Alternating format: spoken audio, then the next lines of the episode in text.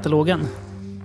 Ja, det har jag fina minnen av att man bläddrade igenom. Exakt, att det var en liten grej att bläddra igenom. Det här Ja. var ju innan man eh, riktigt kollade internet på det sättet i alla fall. Ja, jag Man kanske gjorde bestä- beställningar från in, in, internet. Ja, nej, men jag tänkte säga, jag beställde aldrig någonting från Ginsa Gjorde du inte det? Nej, jag gjorde Nej, aldrig jag gjorde Jag bara kollade i den. Några gånger. Mm. Bland annat den eh, obskyra, som kan vara shot on video osäker, Crinoline Head. Minns jag köpte Ja, för att, att bilden var lite coolt, eh, tyckte man då. Vilket år är den ifrån? Ja, 90 någonting. Det är ju, den är superobskyr. Vad, vad, vad, vad är det på omslaget på Crinan? Det är ett avhugget dockhuvud där. Just ja. ja. Eh, som, ja, ja.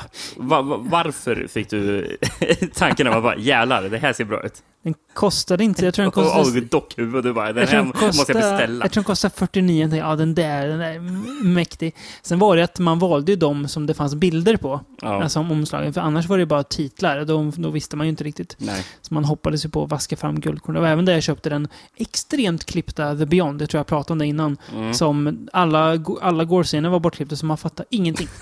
Det, det, alltså, om, om man tycker att Beyond är obegriplig när man ser den nu, tänkte du alla våldsscener borta. Det går inte att förstå vad som händer. Vil- Vilka var det som hade släppt den utgåvan? Eh, det var ju... Det var ju House of Horror, men den hette... Fasen hette de? D-Racking AB. D.Racking AB. Okej. Som tydligen är samma snubbe som House of Okej. Horror och sen då Horse Horse, Creek. Creek. Ja. Mm. Charles någonting heter han ju. Ja. Ja. det är ganska kul. Vad gör han nu för tiden? Är det någon som har koll på det? Eh, finns inte Horse fortfarande? Kanske det gör. Ja. Ja. Oklart. Minns man att jag av någon anledning fick en nyhetsbrev från dem. Jag vet inte om jag hade anmält mig till det. Det var ju bara skitfilmer de släppte. Jag minns att de släppte en film som hette The Chippendales Murders. Ja, Fan. Men Chippendales är inget jättestort fenomen i Sverige.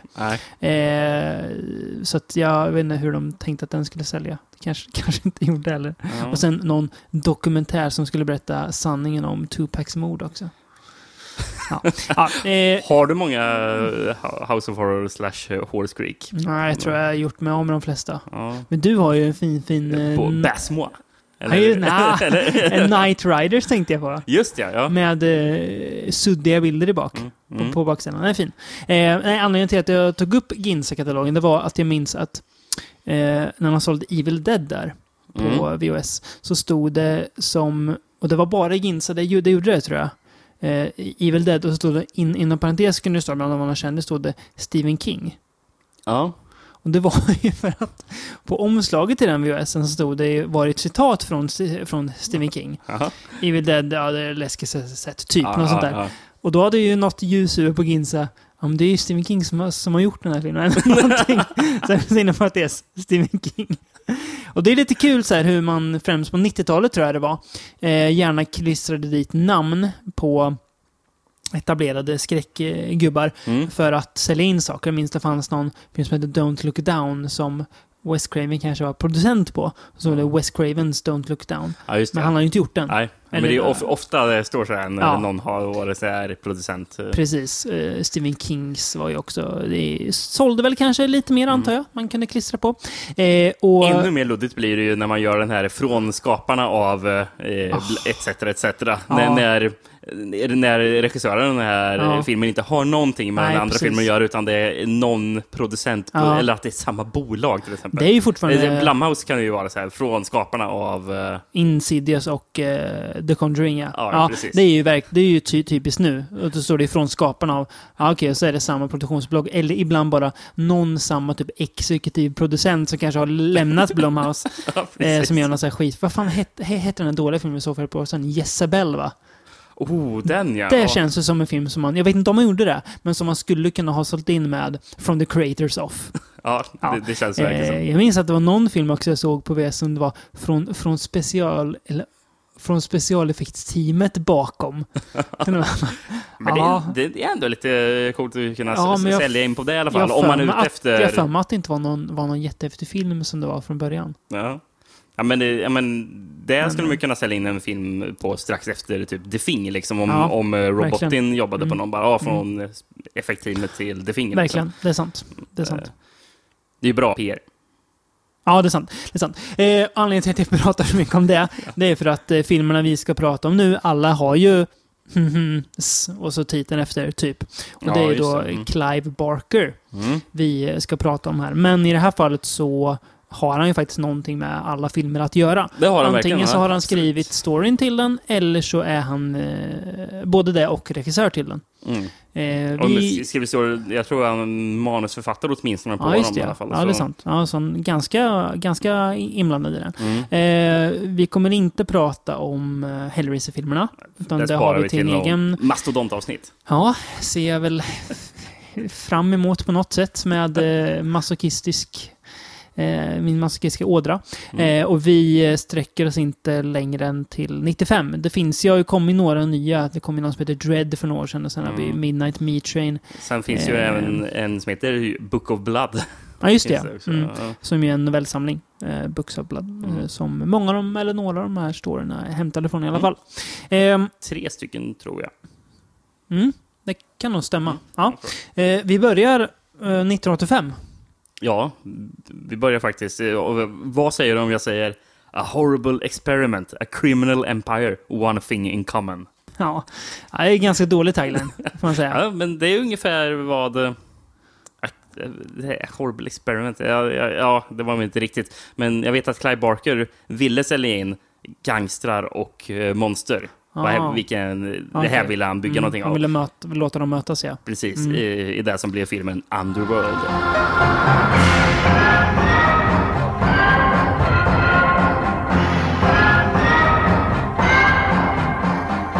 Eller Transmutations. Som den är väl mer känd som, va? Ja, Kanske. Eh, Transmutations var titeln, den såldes i USA. som- Ah, Okej. Men den filmades ju eh, och eh, producerades i, i England. Ja.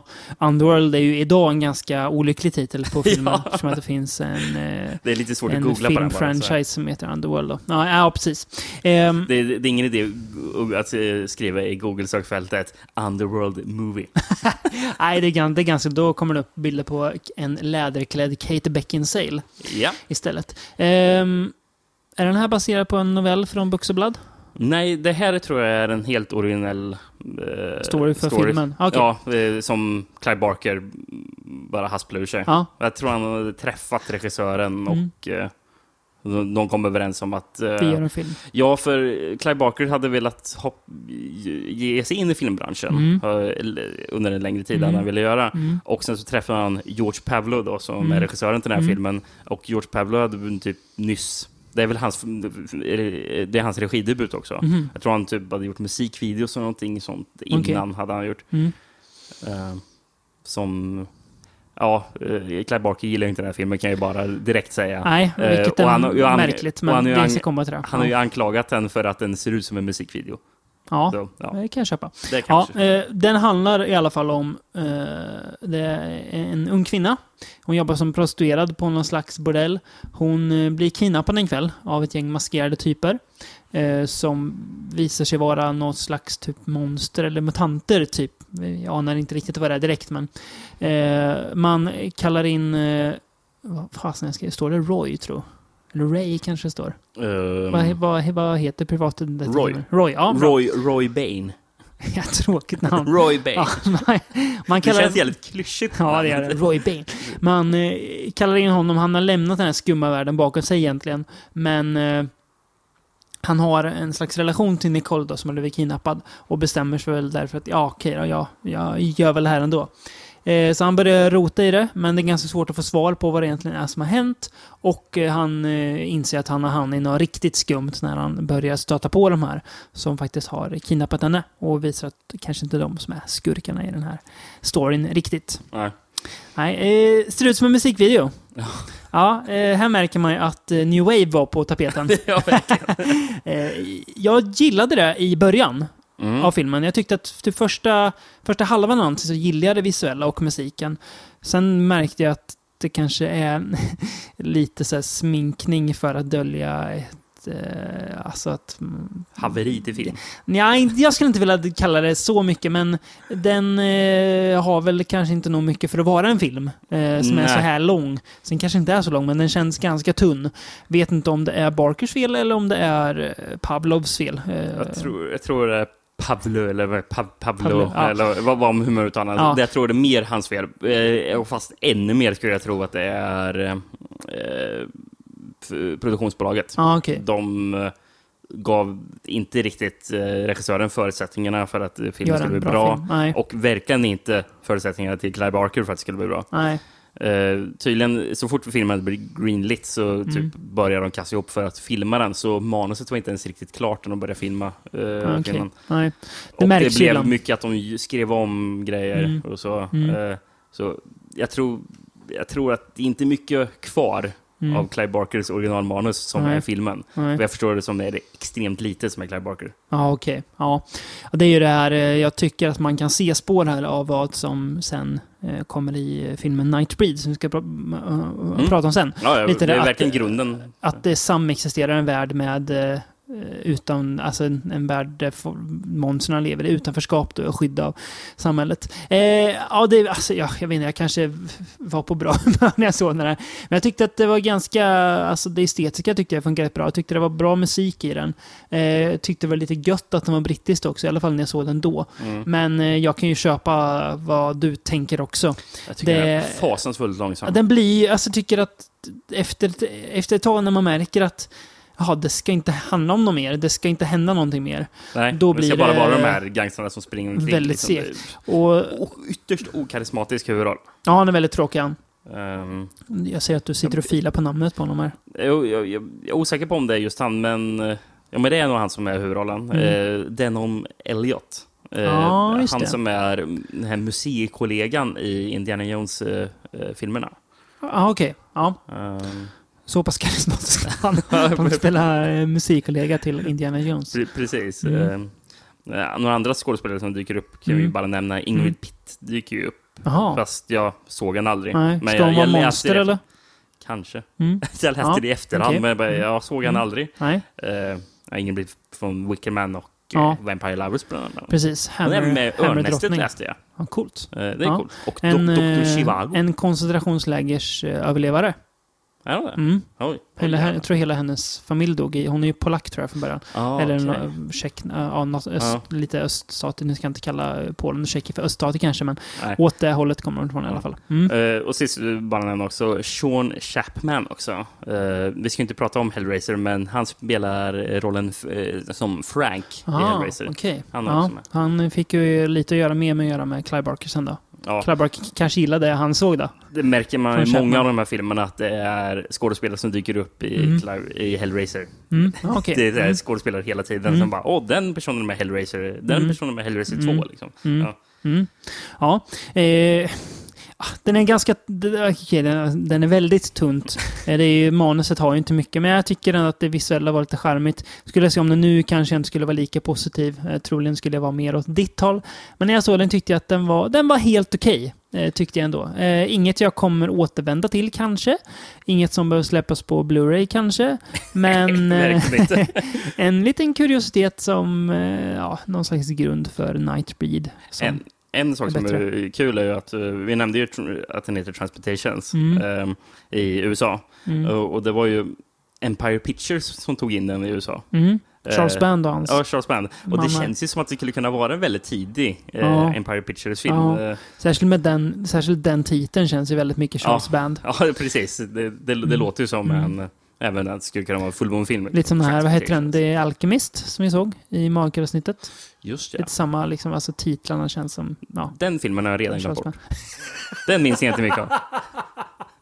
Nej, det var, inte- det var inte mycket att minnas. Ap- ap- Apropå titlar måste jag säga. eh, eh, bandet som gjorde musik till den här filmen, Mm. eh, det var ett band som hette Freuer. Eh, efter, Kän- efter filmen, Känns jävligt new wave. ja, efter filmen Ja. döpte de om sig till Underworld. Nej, fy fan. De döpte om sig efter den här jävla filmen. det har, det har ändå något att de gjorde det. Det har något, Det har något. Men det är konstigt. Ja, det var märkligt. Märkligt val. Eh, Ja. jag, jag, jag måste säga, jag, jag hittade lite mer info faktiskt om Barker och hans missnöje Mm. om manuset. Mm. Eh, först var det en annan källa som sa att eh, Barker skrev de två första draftsen. Du har inte hittat det på, på samma forum där, där någon hade, hade tagit en öl med Lamberto Bava, eller? Nej, det är inte. Utan Det, det, det är fan fortfarande det bästa du har sagt i den här podden. När du återberättar hela forumskröna. Så bara- ja, förlåt. Fortsätt. det var lite härligt. Nej, men den här källan var rätt så bra. Jag, jag, I alla guldgruvan till, till research inför det här avsnittet så det finns ju en sida som heter typ clivebarker.net. Mm. Där man hittar info om alla Mm. filmerna och så här, Mm. Hur mycket citat som helst. Och, eh, Från Barker då? Barker och andra. Okej. Eh, Mm. Men, men det här var att, eh, det, det stod i alla fall att Barker skrev de två första draftsen. Mm. Eh, och sen så tog jag in en annan manusförfattare sen som skrev om typ allt. Det gjorde produktionsbolaget, gjorde det alltså? Eller? Ja. Ja. Eh, så de slängde in mycket såna här repliker från gangstrarna eh, och sånt där som att det skulle bli lite mer hårdkokt liksom.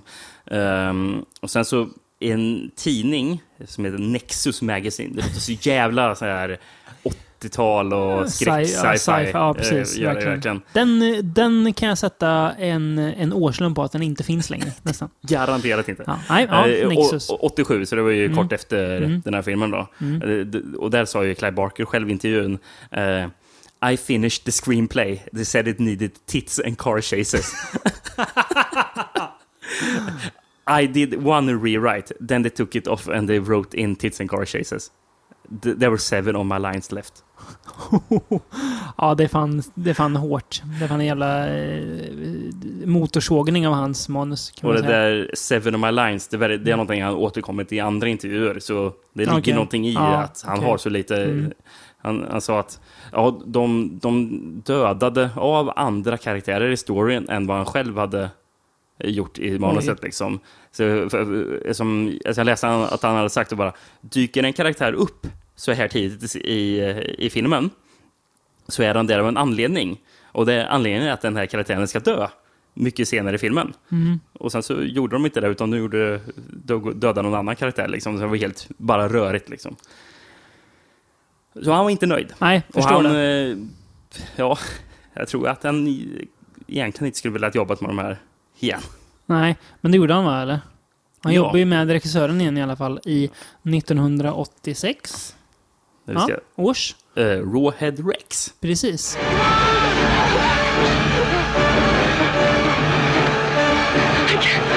It was very tall. What's more, it saw me. This thing.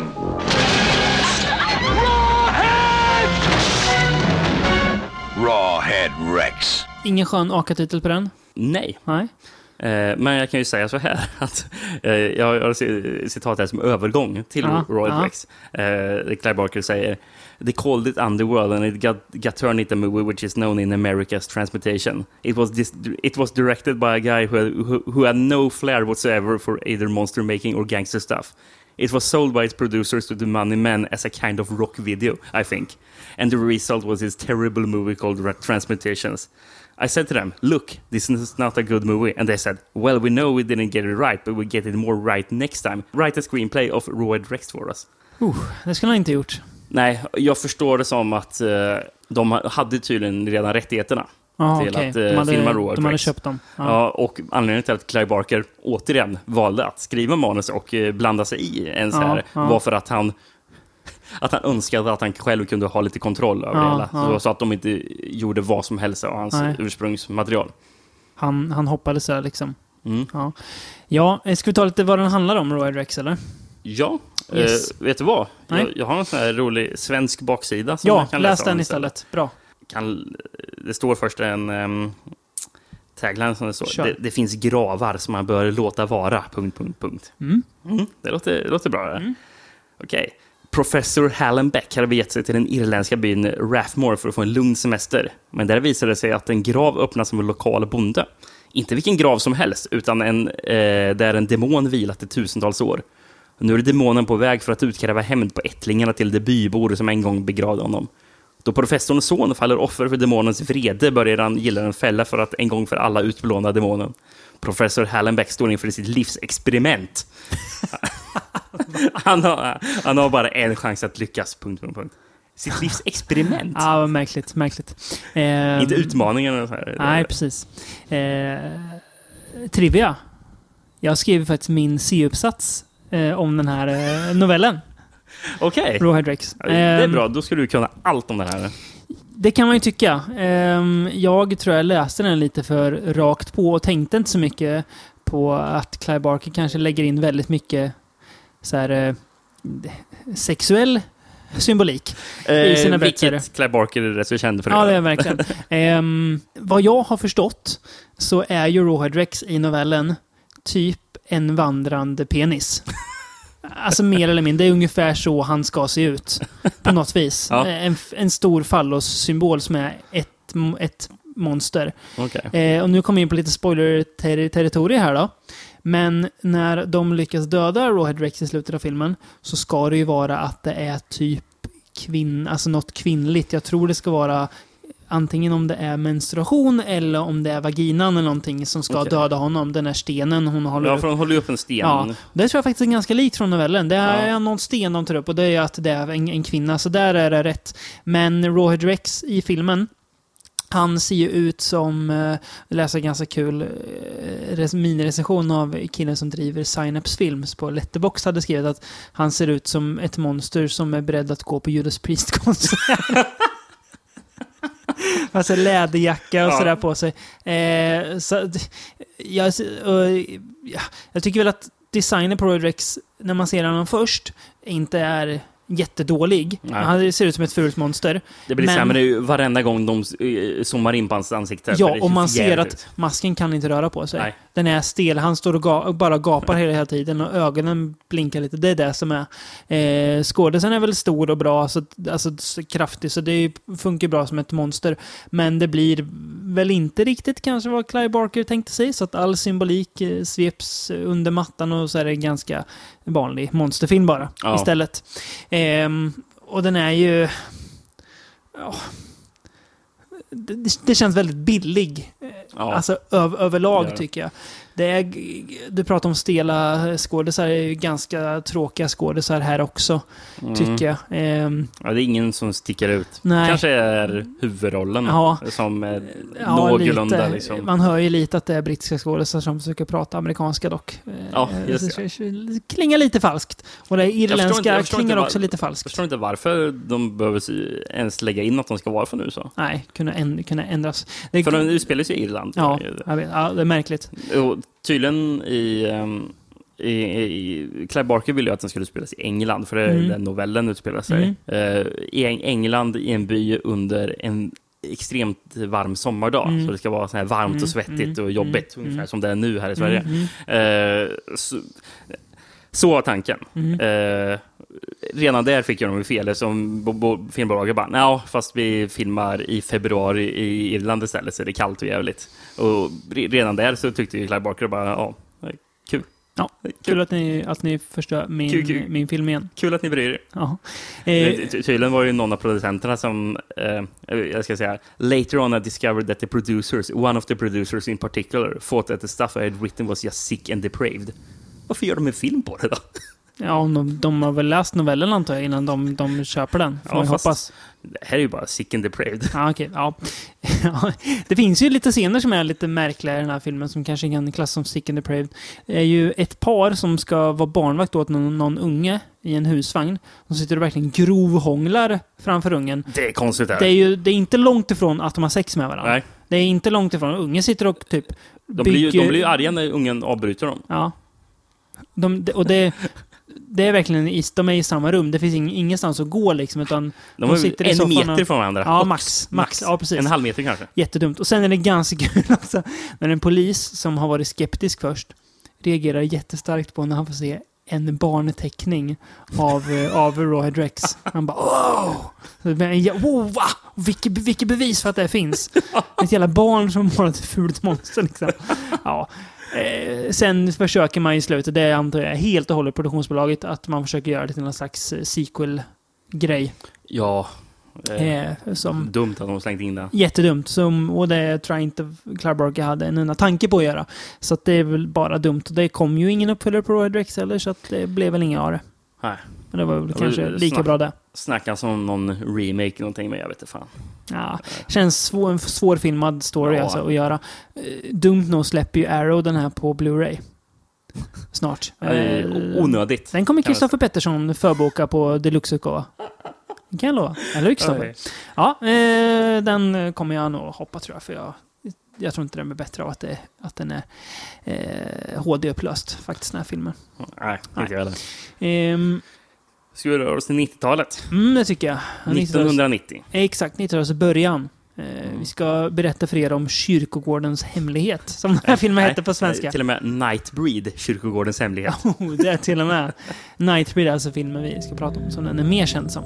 It's just down the road at the edge of town. You know you shouldn't go there, especially after dark. Before you've seen a thing, they're all around you. Before you know what's happening, Something's breeding there. it's too late. You can't go down there!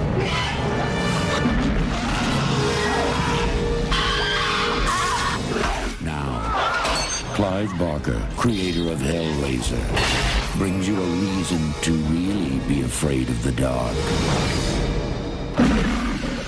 Nightbreed. Är Ja. baserad på romanen, tror jag det är, va? Kabal?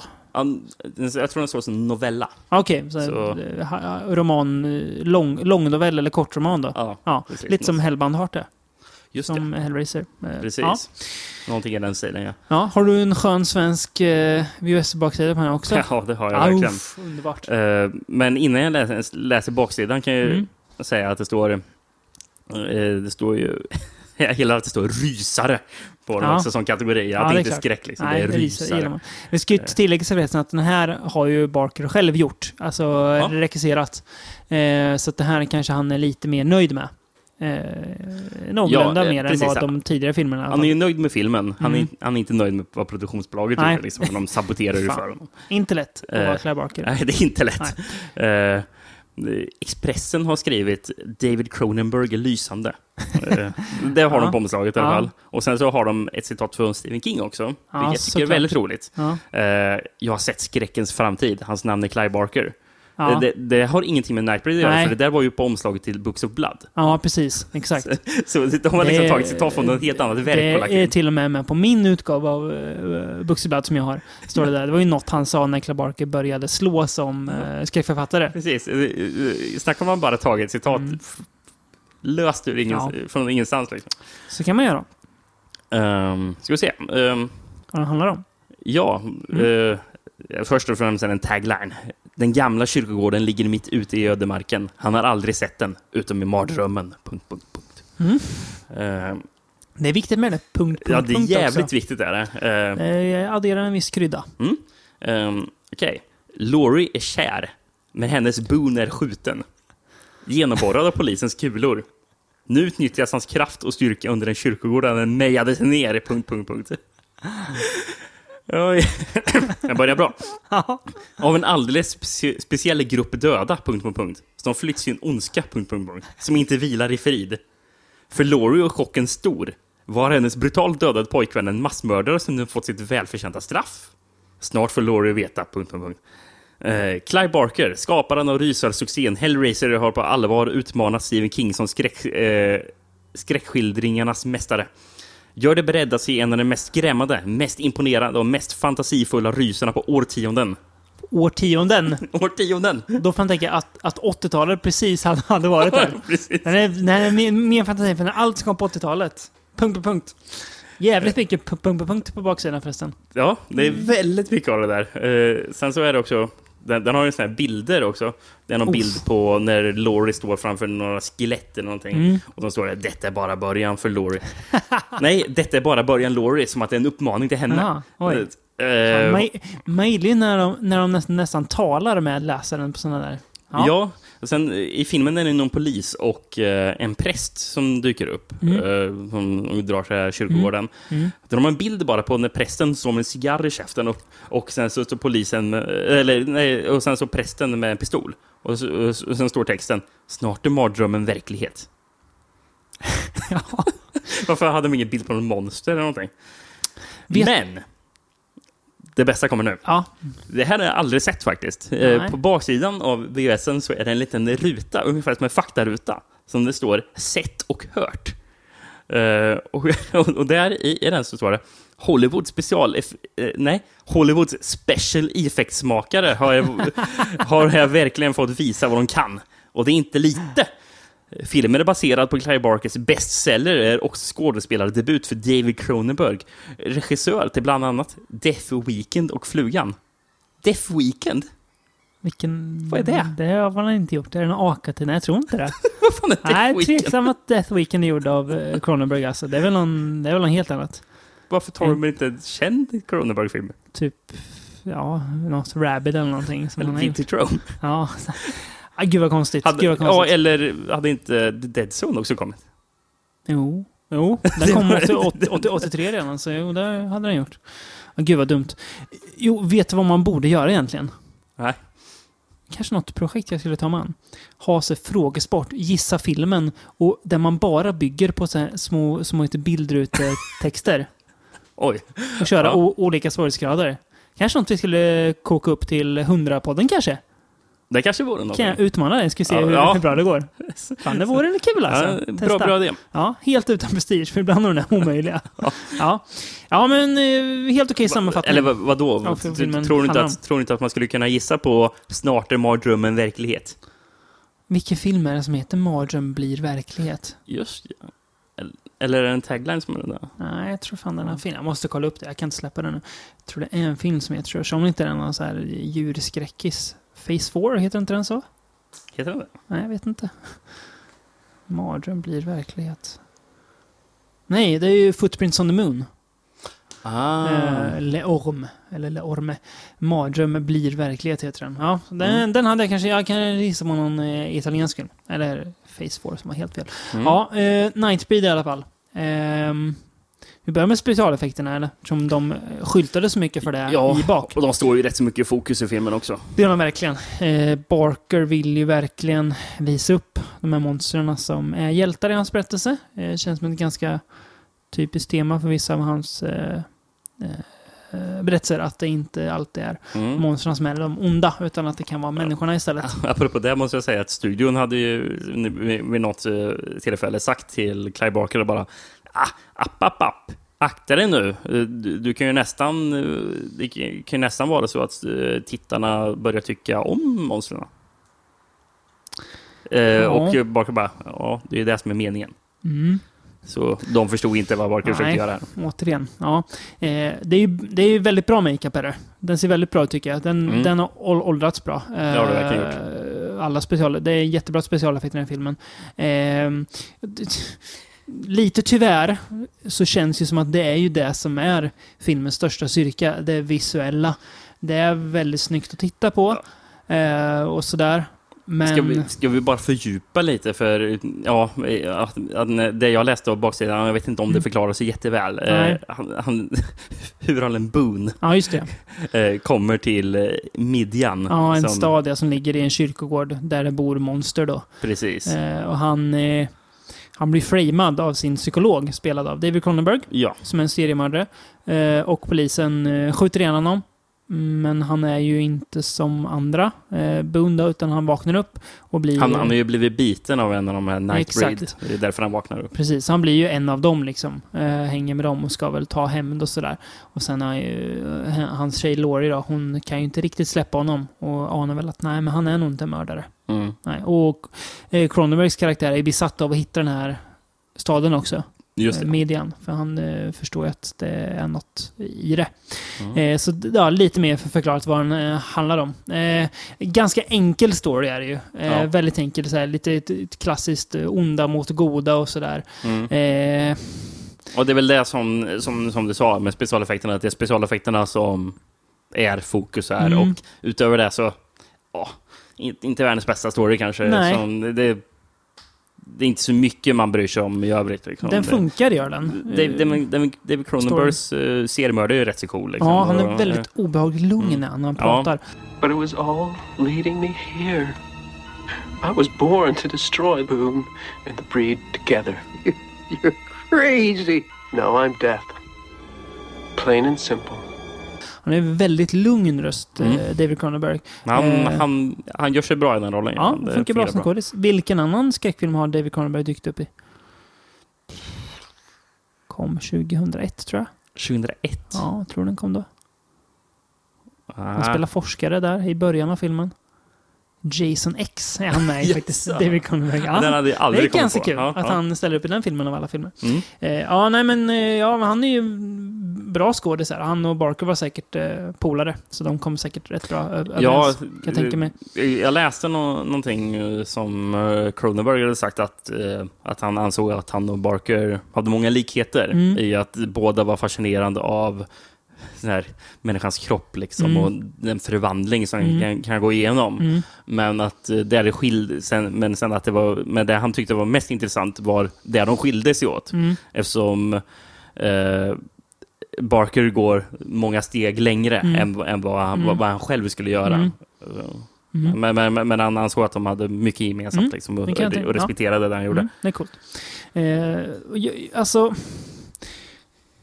Den här filmen är ju väldigt omtyckt vad jag förstår, bland många. Väldigt st- st- kultstatus.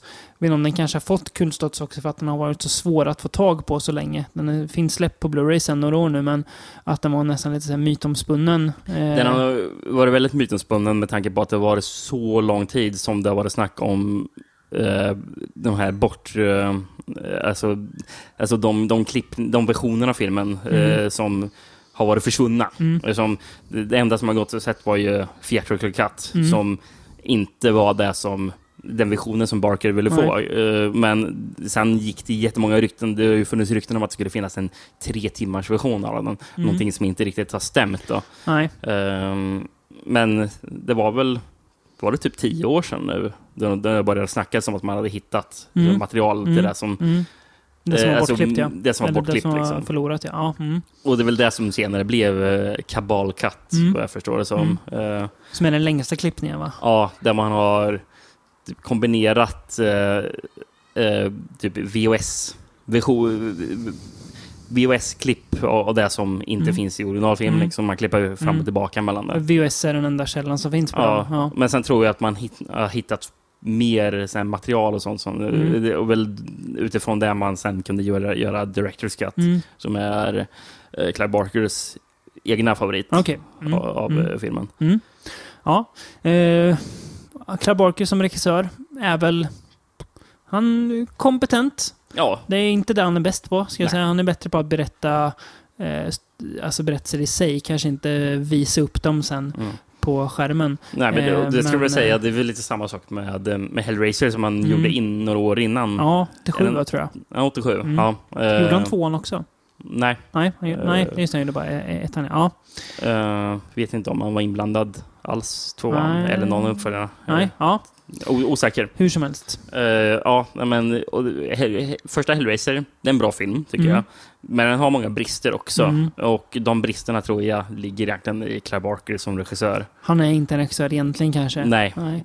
Eh, och det var ju hans första film han regisserade Ja, också, precis. Hellraiser. Men eh, det Hellraiser mest vinner på, det är Ja. ju det fantastiskt eh, så här, fantasifulla materialet den, den använder sig av. liksom. Idéerna bakom, ja. precis. Precis. Det är ju eh, Ja. banbrytande. Exakt. Och det är där Barker gör sig bäst också. Men det får man väl ha respekt för. Jag tror jag näm nämnt det tidigare. Barker är ju han är en bra författare. Han är ju konstnär också. Han målar väldigt bra. Mm. Eh, han illustrerar många av sina egna mer moderna verk. De här uh, fantasyböckerna han har gjort eh, när han slutade skriva skräck. Så att han är en liksom stabil regissör. Det får man väl se som ganska avundsvärt när han är så bra på så mycket annat Ja, också. ja, verkligen. Så att, eh, ja, nej men det är, en, eh, det är en sevärd film tycker jag ändå. Den är väldigt trevlig att titta på sådär. Ehm, Apropå Hellraiser så dyker ju även Dog Bradley upp här i filmen. mhm. Jag, jag, jag såg det först efterhand, för, för han spelar ju ledaren av Nightbreed. Jaha, är den är gamla... Ja, han är Ja. totalt oigenkännlig. Ja, det går inte att se att det är verkligen. Dog Nej, Bradley. nej. Men det är han. Doug Bradley, alltså Pinhead, för de som inte har Ja. koll på det. Ja. Exakt. Och i Theatrical Cut, eh, Theatrical Cut så går det typ aldrig att veta att det är Doug Bradley, för då har ju hans eh, röst även blivit överdubbad av någon annan skådespelare. Eh, vilket. Doug Bradley inte själv gillade. Nej, det kan Men jag förstå. När, Säkert inte när, Barker själv heller. Nej, när Directors Cut sen kom så eh, dubbade Doug Bradley om så att ja, han är du- dubbad tillbaka. Hans till egna röst. liksom. Ja, det, coolt. det, det är coolt. Ja. Ehm, Sist, jag tycker det är en jävligt bra låt som spelas i början av filmen. Mm. Eh, För Boons eh, flickvän som mm. Hon, är lika mycket huvudperson skulle jag säga. Ja, absolut. Eh, Spelas Mm. av... Nästan mer eh, engagerande kar- Ja. karaktär i filmen. Ja, Jag ja. har inget egentligen emot Boone. Men han är Men lite han, torr. Han är lite okarismatisk. Alltså, hans, det är något med hans ganska fyrkantiga... Han är Mm. lite fyrkantig. Han, han funkar liksom. Ja. Hon är mycket mer intressant tycker Jag, jag. jag tycker väl lite problem av skådespelaren, för han är lite så okarismatisk skådespelare Ja. som spelar Boone. Mm. Och snacka om Christopher Lambert. Det hade varit coolt. Ja. Inte för att han är världens karismatiska kanske, men ändå. Eller, Ja. Och Rutger Hauer även också. Han är karismatisk. Det måste man säga. Mm. Mm. Eh, nej men, uh, Anne Bobby heter hon som Mm. spelar. Mm. Kommer inte ihåg vad karaktären heter nu bara för det, men... Laurie va? Just det, Laurie. Mm, Ja, mm. precis. Eh, men hon är ju musiker. eh, och så, det är en scen i början och hon sjunger en, en, en låt på, en spelning som. Boone springer till. Just det. Eh, Johnny Get Angry. Johnny, just to see what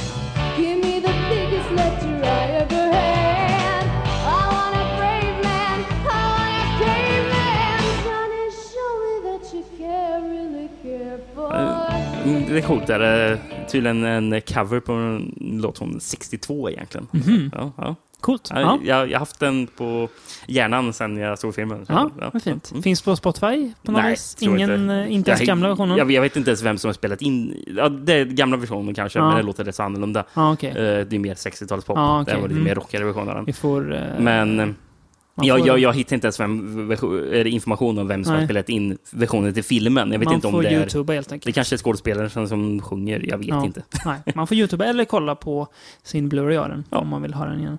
Mm. Ehm, vi håller oss kvar på 90-talet va? Tycker jag. Ja, 92. Där satt och funderade länge. Ska vi verkligen göra det? Ska vi inte gå, gå vidare till 00-talet? Nej, det gör vi inte. 92. Nej, Ehm. jag måste bara säga, för jag, innan, Innan vi går till 92. för jag, jag, jag hittade citatet här. Ja. Eh, För av Barker? nej, Nej. det Rex Reed. Jag vet inte om det var en producent eller om det var någon Mm. det som... låter som en Ja, producent. eh, jag vet inte om det var någon på produktionsbolaget eller bara någon eh, kritiker som gnällde i efterhand. Mm. Någon i alla fall som var jävligt neggig. Så, eh, sa det här på tv. I like my monsters to be evil, so I don't like this movie because I like my monsters to be evil.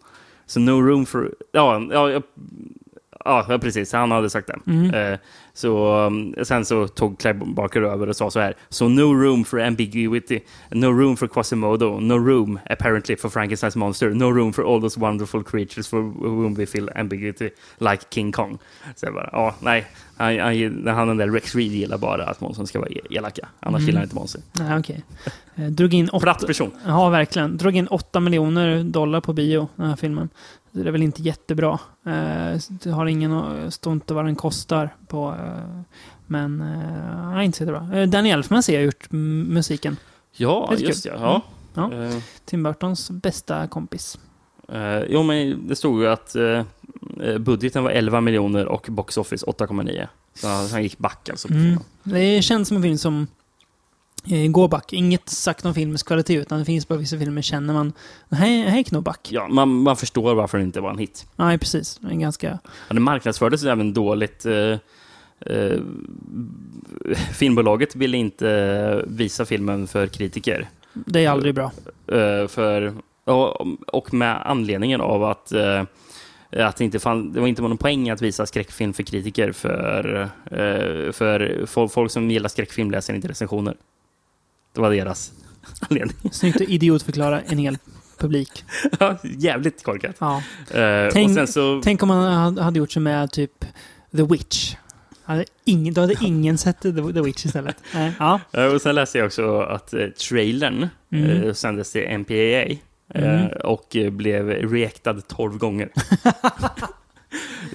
och Ja. eh, så, i- och den första trailern hon visade, den, den fick inte ha några monster i trailern. Åh herregud. För en film som handlar om monster. Den fick inte ha monster i trailern. Så mm, det var ju katastrof redan mark på prom- marknadsföringen av filmerna. Så Ja. jag förstår varför det gick åt helvete för dem. Ja.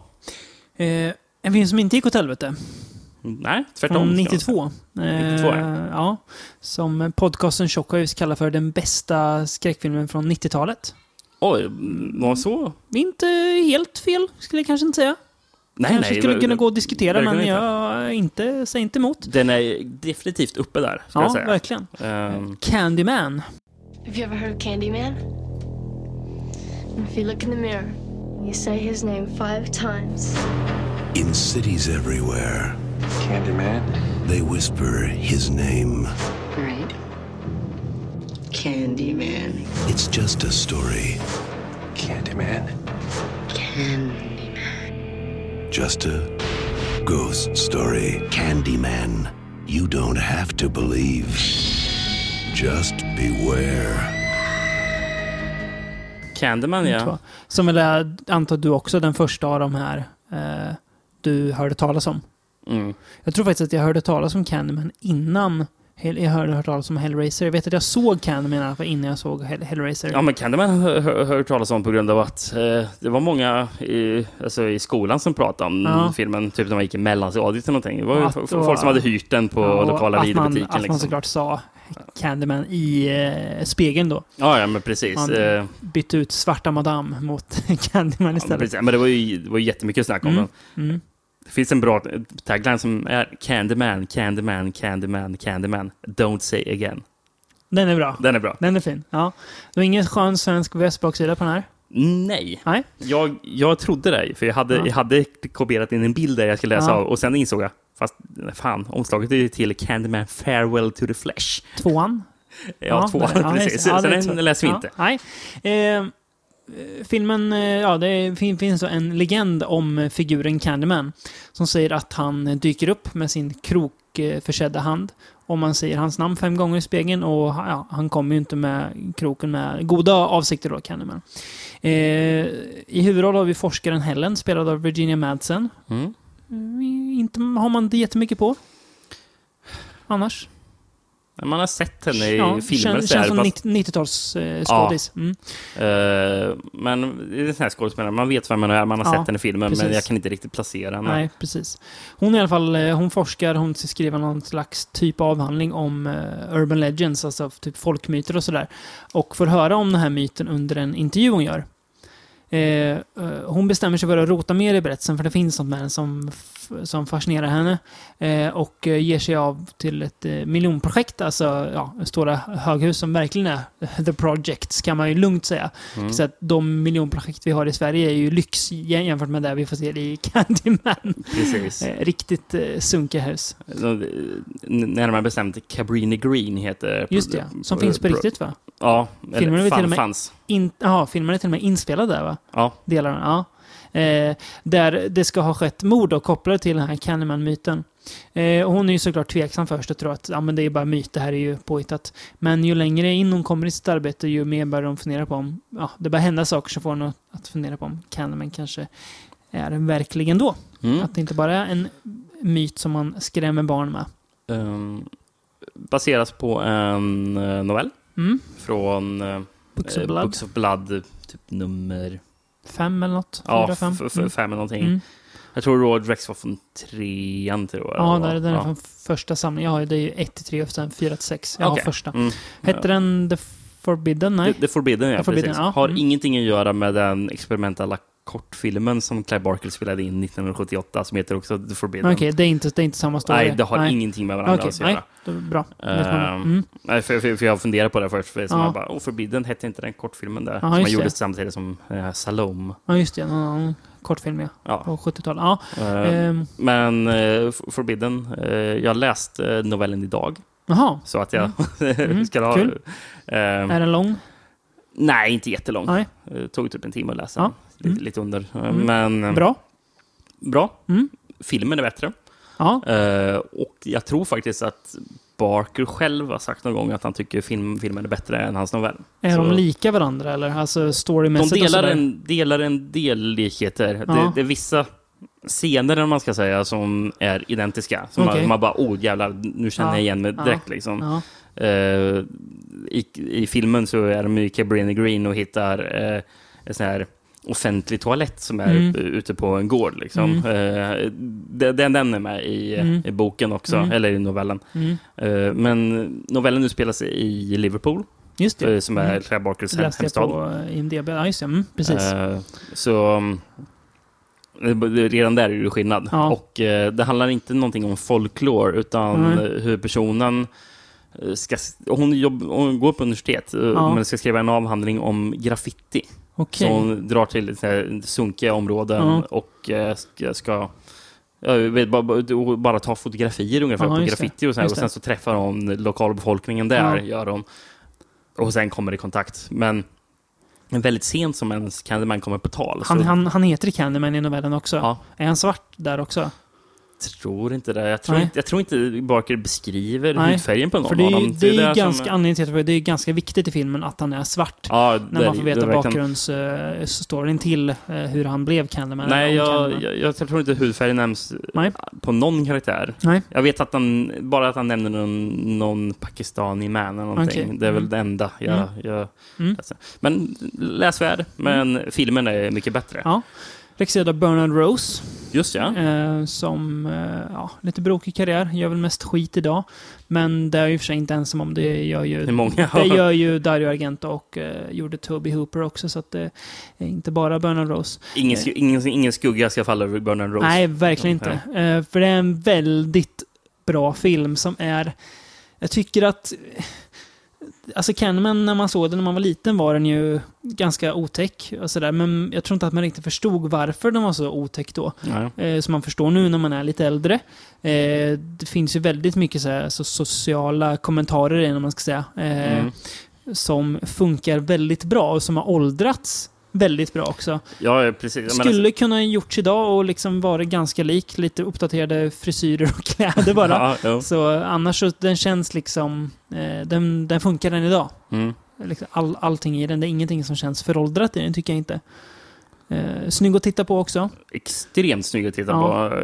Alltså fotot Ja. är ju helt otroligt. Så finns en mardröms... Eh, inte mardrömslogik riktigt, men det känns lite som att du fastnar i en mardröm. Mm. Ju mer och mer Candyman tränger sig in i Ja, berättelsen. ja, precis. Eh, mm, mot andra halvan av filmen kan man väl säga, Mm. där han är mer har en mer betydande roll Mm, i filmen, mm. så börjar man ju tappa greppet om vad som är på riktigt. nästan, Precis, exakt. Det, samtidigt som Vir- Virginia Madsens eh, karaktär också gör det. ja, verkligen. Men alltså atmosfären Mm. i den här filmen, den är så jäkla tät atmosfär. är det. Mm, väldigt så, skit, alltså så här, det finns något skitigt också. Det Mm. Väldigt så här, mörkt när de alltså, väl börjar forska det här och det fattiga och jävliga som är där ute i Cabrini Green. Precis. Jag läste, hon, Men det- de, de, de fick väl typ deala med gängen som var där ute Det är, för att få, få filma det där är ju gäng med i filmen. Ja. Eh, och det är ju riktiga gängmedlemmar som de har som, Ja. som var typ beskydd åt Ja, just dem. det, just det. För det är som, som sagt, en, vi filmade i Cabrini Ja, Green. precis. Så när man får se när de går upp i de här trappuppgångarna Ja. Och eh,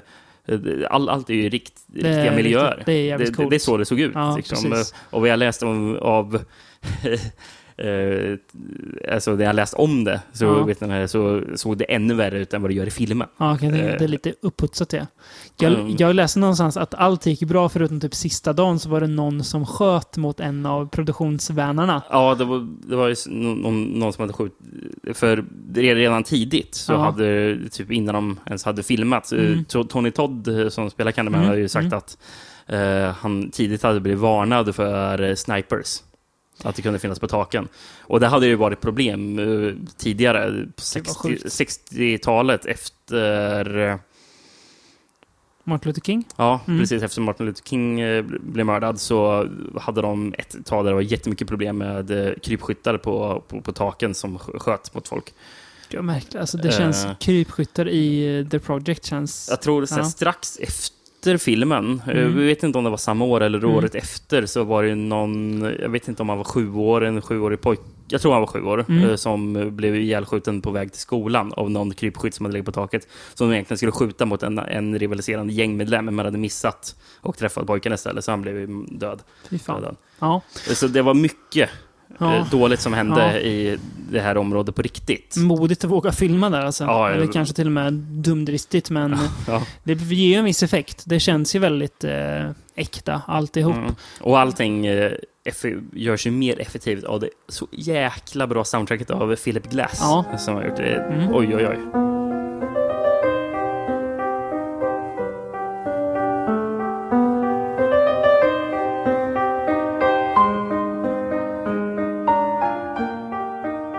Vet jag att eh, vår gamla kollega Alex älskar Ja. Philip Glass musik. Ja. Ja, ja. Det är vä- väldigt bra. Väldigt, eh, specie- väldigt säreget också. Ska vi säga så att Tony Todd också, som väl också...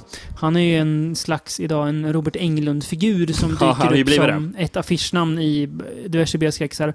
Men eh, jag hade glömt bra, hur, bort hur bra han är här. Ja, det är Och hans jättebra. röst alltså.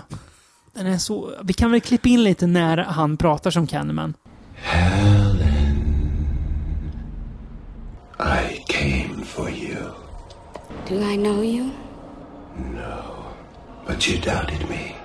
No need to leave yet. Be my victim. Det är ju Barry White-nivå på den. Alltså. Den är så djup är den. Ja, och sen de här ekoeffekterna, vad man ska säga, som är runt. Mm. Det ad adderar också till det här obehaglig. mardrömmiga att han så här, han är en figur som inte ska finnas där, men som, är han där eller inte? Det är liksom... Precis, Ja. Men det det är ju som att när han pratar om rösten inte egentligen tillhör hans kropp. Liksom. Nej, Det- precis. det- att det den, den är utanför på något vis. Precis. Ja, Ehm, det- eller som att hon hör rösten i, hans i hennes huvud, typ nästan. exakt. Ehm, den första scenen när han dyker upp, då, Mm. första gången man får hö- hö- höra honom prata, ett det är. parkeringsgarage va? Ja, precis. Och sen är det ju, för det har ju mycket med att det är bin som är runt omkring Mm. honom. Och den scenen, hur de har spelat in, för man har ju att han öppnar upp um, här, eh, sin rock och sen ser man att hans bröstkorg är öppen typ. Liksom. Mm. Och det är bin som, så att eh, bina har gjort eh, hans bröstkorg till en bikupa. Typ. Exakt. Och sen får man se att det kryper upp massor med bin ur munnen på Mm. honom. Liksom, Och i när man ser den scenen så tänker man så här, men vad fan, det där är ju Tony Todd som står med en jävla massa bin i käften. Mm. Ja, och det gjorde han ju. Ja. De, de, hade, de hade något skydd i hans mun så Ja. att de inte skulle krypa ner i halsen. Nej, okej. Det enda liksom. Så ja. han hade... Jag läste att bina var specialodlade för den här filmen. Ja, Eller typ att de var liksom avlade för den här filmen. Ja, grejen var att de var... För de var så pass unga Ja. så att de inte skulle kunna Just sticka det. honom. Nej, just det. Men Eh. ändå nog gamla för att uh, Se se vuxna ut, ut. ja. 12 timmar eller någonting stod det på Ja, det var skulle vara. Det är väldigt. Det är fascinerande. Men det ser man också vilken, alltså, hur mycket detaljrikedom man har lagt ner för att få filmen att liksom bli ännu mer effektiv. Mm. Eh, det är ju lätt att typ få för sig att Candyman är en så här, ja, 90-tals slasher, men det är väldigt mycket mer än så. Ja, Eh, alltså, bara för att han är en mer. mördare. Så det här är, kallar det slasher är helt fel. Det är någonting mycket mer. Det funkar Mm. väldigt bra. Hört att uppföljaren inte ska vara så bra. Nej. Särskilt inte trean. Men jag kommer nog se dem, bara för att. Ja, man är ju sugen på det ändå. Mm, Ehm, komplettera. apropå de här miljöerna, det, det, som det är ju tidigt, då, tidigt i filmen då hon, eh, Vir- Virginia Madsen, då hon och hennes kollega eh, beger sig första gången Mm. eh, till den här byggnaden. Eh, sen går de in genom gen- genom väggen Mm. vet du, och hon klättrar i, ut genom ett hål. Mhm. Och man får se från andra sidan av, Mm. av hålet Mm. där hon klättrar, klättrar ut. Mm. Och man ser att det är stor graffiti av ett ansikte och hon Mm. klättrar ut genom Mm. eh, Candymans mun. Då, Exakt. liksom. Hans, han, hans gap är Det det är så snyggt och, så jäkla, snyggt och jäkla obehagligt Ja, på samma det. gång. Mm. här, Liksom. Mm. Det, Mm. det är verkligen mardrömslikt. Ja, liksom. precis. Att nu så är det som att de kliver in i en annan värld när de går igenom det där hålet på något vis. Mm. Mm. Det som, som nästan gör det mest effektfullt man Mm. läser, om, läser om det här är att eh, eh, till och med det här grejen att för, för, för det här i, i novellen Mm. har det ingenting med att man säger Candyman. Nej. Det, det finns ingenting med det. Okej. Eh, och det finns ingenting med att han kommer fram ur spegeln eller någonting heller. Nej. Utan det är någonting som de tog här. Som Bernard Rose kom på, för det är han som har skrivit manus också. Ja, Mm. han, han kom på det. Eller, Mm. han, för han hade han hade läst om, för 1987 i, eh, i Chicago också. Inte Cabrini Green, utan ett annat så här, eh, hou- housing project. Aha. Eh, så, så var det en mo- mordfall där polisen hade, hade, hade eller hon, hon som höll på att bli attackerad hade ringt polisen eh, och sagt att eh, de, de kommer in genom badrumsfönstret. Och polisen hade kommit dit, hade typ knackat på sen så hade de inte gripit in. Så Nej. hade hitt- hittat hennes kropp flera dagar senare. Liksom. Eh, men, det, men det var just det där att de kom in genom badrumsfönstret. Ja, just det. Genom badrumsspegeln. Bakom badrumsskåpet, ja. ja. ja, Exakt. precis. Badrumsspegeln. Ja, precis. Att de kommer Ja. in genom badrumsspegeln hade de sagt. Liksom. Eh, så det var ett mord som hände som på riktigt. Ja, det. Och, Mm. eh, Chicago Reader hade en artikel som jag hittade en bild på. Eh, Ja.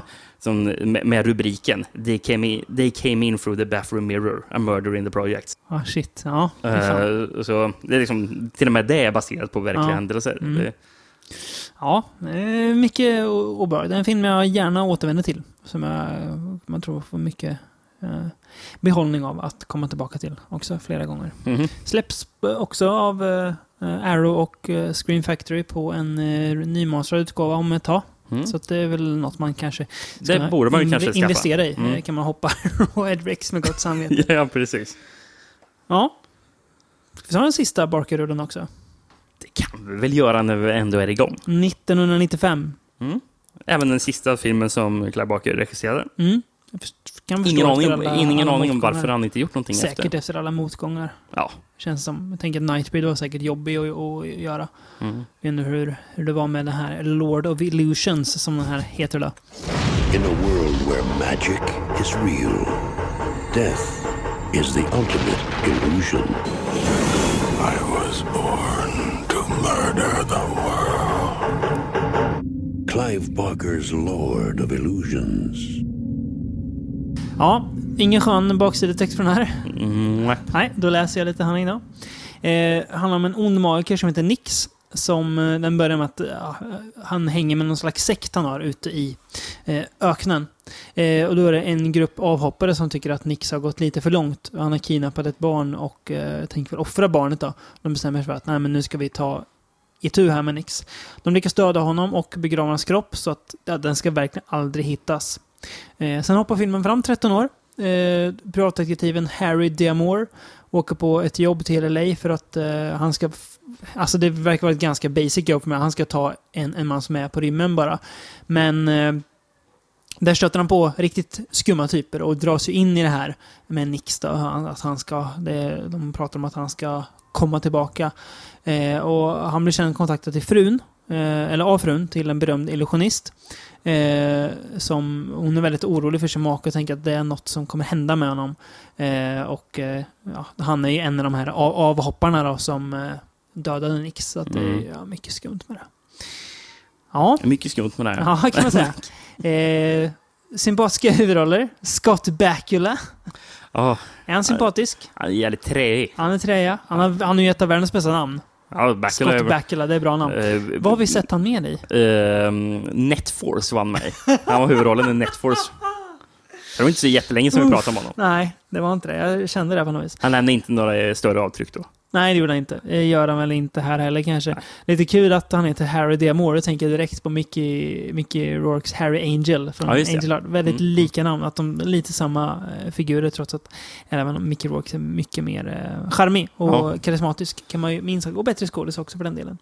Sen Ehm. Famke Jensen också. Mm. eh, som Clive Barker tydligen ska ha eh, sett ett foto av och sagt ja, det, det är hon som är den här rollen.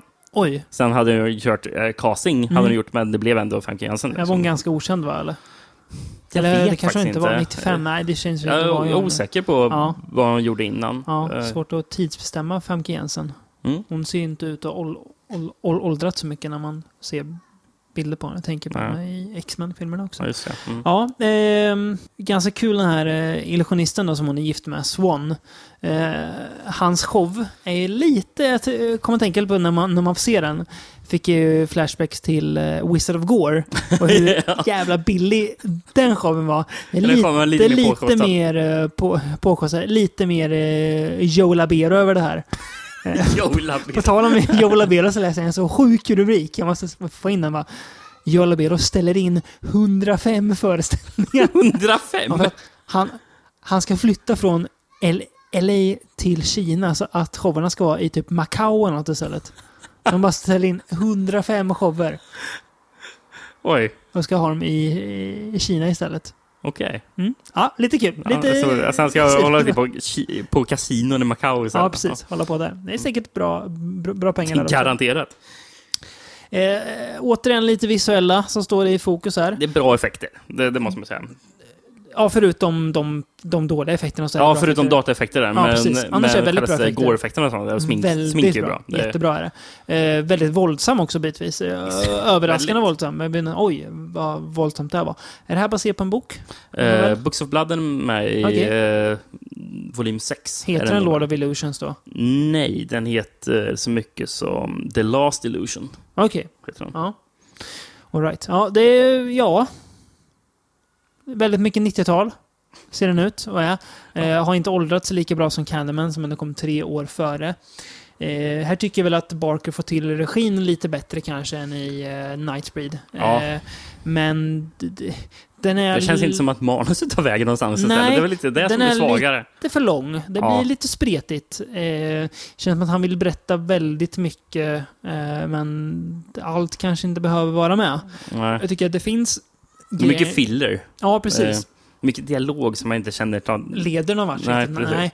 Det finns ju delar här som jag tycker är väldigt fascinerande. Jag tycker Nix är ganska cool. cool. eh, Skurk, han har ju en väldigt bra repli- replik. I was born to murder the world. Ja, det, Det är bra. hårt där. Ja, det är riktigt bra. Det är ju lite, lite Julian Sands-vibbar där från eh, Warlock. Den- en ond magiker. Det enda problemet med Nix, Ja. det är att... Eh, Skådisen är ju felkastad. Ja, jag vet inte om han är felkastad eller, Ah, om det om eller om det är bara för att jag har problem med skådisen på grund av Ja. att jag kan inte sluta tänka på, för eh, han som spelar Nix spelar Kruger, eh, som är George Costanzas chef i Seinfeld. eh, jag har lite svårt att eh, ta honom därifrån, så det är det enda Ja, jag ser. Jag förstår. Ja, Well, George, I'll be honest. I could go either way on you. But what the hell? We need someone, huh? You, uh, you won't regret this, uh... I don't care.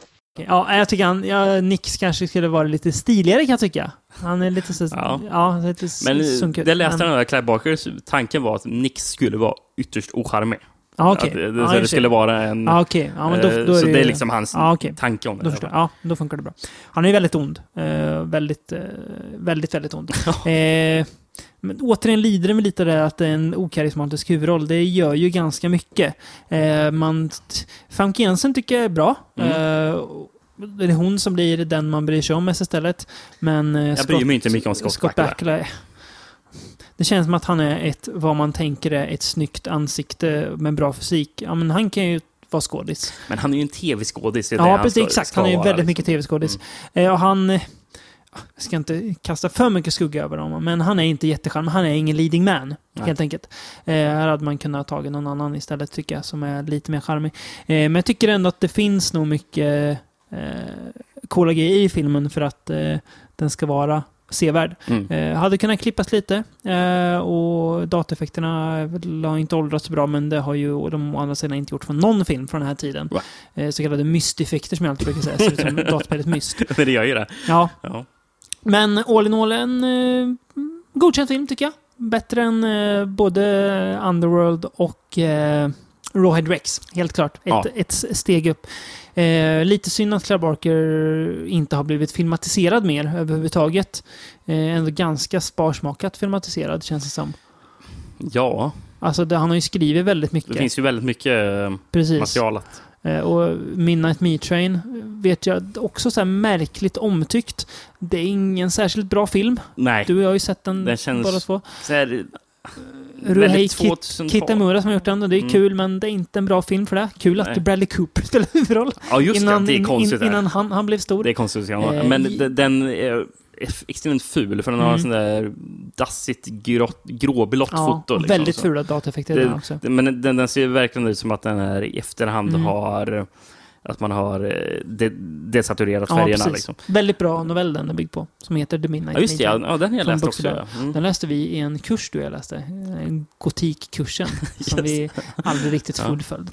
Ja, eh, men, eh, ja, men jag re- rekommenderar främst att man eh, ser Candyman såklart. Mm. Men sen eh, ge sig på att läsa lite Clive Barker. Eh, för det, det, det är där han gör sig bäst. Mm. Och det finns ganska mycket att välja på. Jag kan rekommendera romanen The Damnation Game också. Ja. Osäker på vilket år den är ifrån, men det är 80-tal i alla fall. Eh, en Sen av kan man väl första. sätta tänderna i lite sån här Books of Blood. eh, Precis, och Hellbound Heart. Hellbound Heart, För den ja. delen. Den, den, He- Hellraiser är byggd på. den är bra. Den, vet, in, intressant, intressant att läsa om man eh, har sett Hellraiser också, Mm. för novellen skiljer sig rätt så mycket. Mm. Den. Coolt. Pinhead spelar ju, är ju bara typ en bifigur liksom. En bisen och bit. Ja, precis. Mm, han, är- han är inte Ja, nej, huvudsen i nej, biten nej. där. Ja. Om inte till och med Pinhead är typ kvinnlig, tror jag. Kanske Mm. till och med. Mm. Om jag inte minns fel. Ehm, så, ja. Spännande. Ja. Apropå uh, Clive Barker, för han gör ju inte mycket nu för tiden känns det som va? Nej, han gör lite konst. Du vet att han målar väldigt många... Han är ju homo- homosexuell, Clive Barker. Vilket Ja, han- märks i hans eh, samtida konst. För det är Ja. väldigt mycket erigerade penisar på hans Ja. konst. Jag gick in på hans blogg någon och kollade. Eh, Han, han, jag, jag läste att han bor i, i LA tillsammans med sin kille. Mm. Gör han. Eh, Mm. Så, ja. Nej, men han lever nog ganska bra liv. Jag Mm. vet att han hade en stroke för några år sedan, så han har väl lite svårt att göra saker. Ja, okej. Eh, Men han åker runt på lite mässor och sådär. Eh, Pratar lite om filmerna och sådär. Men Mm. annars är han väl inte jätteaktiv kanske. Lite Ja. synd, för han är väldigt eh, fascinerande eh, fantasi den mannen. Ja, verkligen. Eh, Och ja, gjort mycket bra. Så Ja. att, eh, han är värd all cred han ska ha. Jag läste förresten att eh, ba- bara för någon månad sedan kom det en nyhet om att uh, verkar som att den här tv-kanalen Sci-Fi, Mm. Syfy som vi Mm, säger, mm. eh, ska ju, gö- kanske göra en tv, eh, tv-serie av Nightbreed. Mhm. Så Mm. det kanske är någonting som blir av Ja, det skulle ju faktiskt kunna, Mm. kunna funka som en tv-serie. Får man berätta det liksom mer... Ge lite eh, djup till midjan. Exakt, berättare. Jag tror det skulle funka. Jag skulle inte vilja att filmen Nightbreed är längre, men jag skulle kunna se det som en längre berättelse Ja. om det berättas i det formatet. Jag tror att det var tänkt att Nightbreed, hans film, skulle egentligen vara tre filmer. Att, att, att det här skulle vara den Ah, okej. första av flera. Ja. Eh, så. ja, det kan jag tänka mig. att Det finns ganska mycket där att rota i. Ja, Mm. får hoppas att det blir någonting. Mm. Ehm, härnäst då? Till Ja. nästa avsnitt. Det känns som att det blir en, eh, en svåraste, svåraste podden vi gjort. Vi måste väl säga, som ni märker nu, vi, Mm. vi, har, vi, vi har inte pratat Franco. Eh, Franco-semestern, det har vi fortfarande. Ja. Nästa avsnitt, då kommer vi tillbaka kommer till Franco. Onkel Ches. Yes, en pretentiös eh, Jess Franco som jag kan säga spoilade, hatade första gången jag såg. Men jag är lite sugen på att se om den. Jag kan, den kanske är bättre nu, eller så får jag lida en gång till. Tror jag, se. jag tror vi har sett en annan av hans filmatiseringar av samma... Eh, ja, en, en tidigare filmatisering Ja. av samma berättelse tror jag. Det är sjukt att han gjorde sådär. Det är Eh, typ, jag tror han har gjort tre filmatiseringar av den. Ja, precis. Eh, Du och jag var ju nyss eh, med några kompisar i Polen, Ja, i Gdansk. Och då kom vi väl på att, för vi har ju haft det avsnittet planerat ganska länge, eh, som vi kallar hittills för polska pretensioner. alltså polsk eh, typ skräckfilm. Och de är lite pretentiösa de filmerna. Eh, så vi bestämde oss för att nu när vi har fått känna på Polen lite så måste vi ju ge oss in i dess filmkonst också. Mhm. Så det blir nästa avsnitt. Ja, jag, jag, jag, jag tror till och med en av filmerna eh, som vi ska se utspelas Mm. i Sopot som var typ en mil ifrån där vi var. Så, eh, Spännande. spännande. Spännande. Ja. Det blir fascinerande. Så det blir nästa gång så blir det polskt för hela slanten. Känns Det det blir- kan våran, våran mest eh, svårbegripliga eh, äventyr vi har gett oss in på hittills. Jag, jag tror du ska säga vår mest svåruttalade avsnitt. Ja, det ska också. Nämna Du får- skådespelare och regissörer. Du får läsa titlarna på, på polska då alltså, kan jag säga. Det blir spännande. Ja, eh, tills dess så tackar vi för att ni har lyssnat. Glöm inte att vi finns på Spotify nu också. Efter lite om och men. vi. Om man Mm. hellre vill lyssna där. Så det är bara att gå in och köra. Där finns alla avsnitt. Eh, så hoppas vi att ni överlever i sommarvärmen och glöm inte att göra det med en god Clive Barker-berättelse.